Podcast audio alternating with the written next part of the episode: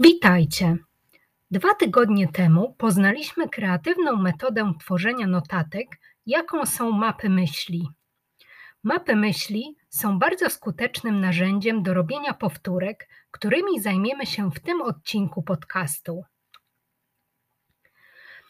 Prawie wszyscy uczący się wiedzą, że aby zapamiętać dany materiał, musimy od czasu do czasu do niego wracać. Jeśli będziemy robić to regularnie i dokładnie przemyślimy naszą strategię powtórek, nie będziemy potrzebowali ich wielu, żeby utrwalić materiał zarówno przed egzaminem lub nawet na całe życie.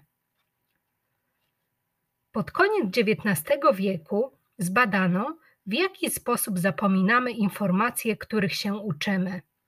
Psycholog Ebbinghaus odkrył, że większość materiału ucieka nam z pamięci już po pierwszej godzinie od nauczenia się, ale po jednym dniu zapominanie znacznie spowalnia.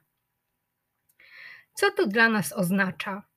Oznacza to, że jeśli pamiętamy coś na drugi dzień, istnieje duża szansa, że będziemy pamiętać to po tygodniu, a jeśli pamiętamy coś po tygodniu, to istnieje duże prawdopodobieństwo, że będziemy to pamiętać również po całym roku. Najważniejszym zadaniem powtórek jest utrwalenie zapamiętanego materiału, zanim zostanie zapomniany.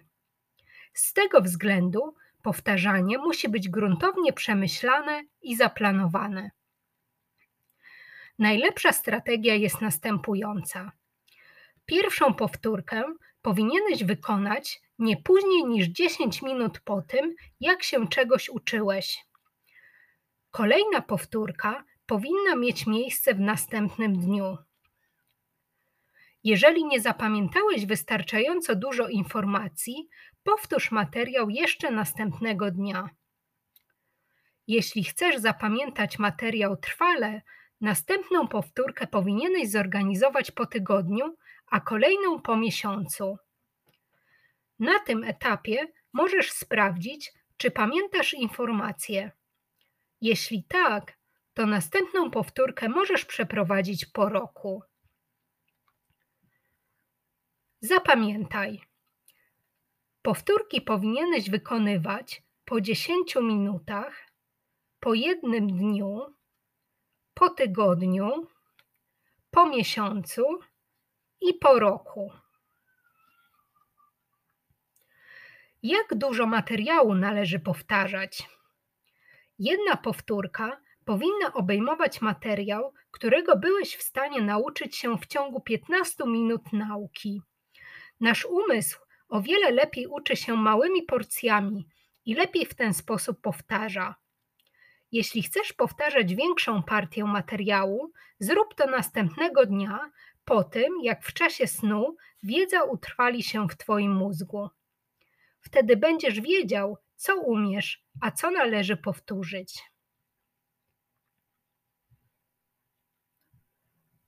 W poprzednim odcinku podcastu mówiliśmy o bardzo skutecznej technice nauki, jaką są mapy myśli. I właśnie mapy myśli są świetnym narzędziem do przeprowadzania powtórek materiału. Możesz wykorzystać je na dwa sposoby. Pierwszy sposób to ponowne przeczytanie mapy myśli, tak aby odtworzyć skojarzenia zbudowane w naszym umyśle. Drugi sposób to stworzenie drugiej mapy myśli z pamięci podczas powtórki. W ten sposób łatwo sprawdzisz, jakie informacje i skojarzenia zostały w Twoim umyśle, a co powinieneś jeszcze powtórzyć. Zastanówmy się teraz nad długością nauki. Wielu z nas organizowało lub organizuje sobie prawdziwe maratony nauki, ale musimy przyznać się przed sobą, że rezultaty takiej pracy są zwykle kiepskie. Gdyby udało nam się zaplanować naukę na kilka dni, nie musielibyśmy poświęcać jej tak dużo czasu. Dlaczego długa nauka nam nie służy? Dzieje się tak dlatego, że nasz mózg nie lubi zajmować się jednym tematem przez długi czas. Nie lubi nudy i monotonii. Jeżeli coś go znudzi, zmusi cię do porzucenia nauki. Dlatego uczenie się godzinami nie wychodzi nam na dobre, a godziny spędzone na powtórkach tego samego materiału nie prowadzą do jego opanowania. Jak temu zaradzić? Przede wszystkim nie spędzaj dużo czasu nad jednym zagadnieniem. Poświęć na nie 15 minut, a później przejdź do czegoś innego. Im bardziej będziesz zmieniał tematykę, tym lepiej i łatwiej będzie ci się uczyć. W ten sposób nie dasz wygrać nudzie. Równie ważne są przerwy. Przerwy są konieczne i powinieneś je robić, jak tylko poczujesz spadek koncentracji. Najlepsza jest krótka przerwa co 15 minut i dłuższa co godzinę lub półtorej godziny. Pamiętaj jednak, że podczas przerwy musisz wykonywać czynności, które pozwolą Twojemu mózgowi odpocząć. Dlatego nie sprawdzaj w tym czasie powiadomień na smartfonie i nie oglądaj telewizji.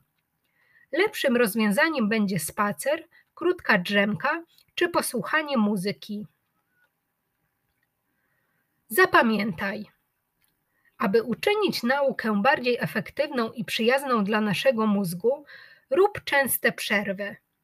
Nie poświęcaj dużo czasu na jedno zagadnienie, zmieniaj tematykę. Ucz się w różnych miejscach i warunkach. Pozwalaj sobie na chwilę niemyślenia. Unikaj oglądania telewizji. Jeśli możesz, ucz się przed snem, bo podczas snu zdobyta wiedza systematyzuje się w naszym umyśle.